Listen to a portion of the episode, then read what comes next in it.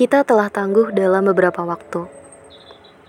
Dari beberapa penolakan yang datang menghampiri, memaksa bertumbuh dari zona waktu yang berbeda. Sebatas memahami bahwa hidup harus terus berlari. Beranjak dan menepi, melintasi samudra perpindahan. Mencoba tumbuh dan berkelas, dalam menanggapi kondisi abnormal. Rasa sakit yang berdatangan terlepas satu persatu secara beruntutan. Kita hinggap di dunia yang berbeda, memegang peranan masing-masing, dan menggenggam keyakinan tersendiri.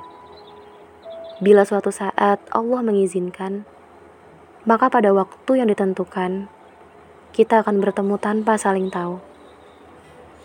Keheningan biarlah terjaga.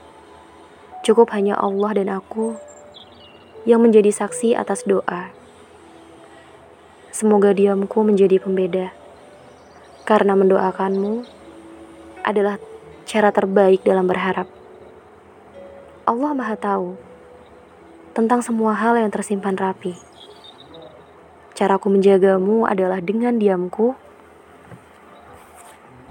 Semoga Allah berikan segala kemudahan.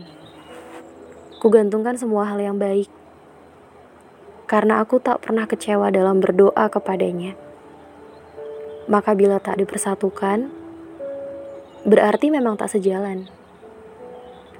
Tidak ada yang sia-sia.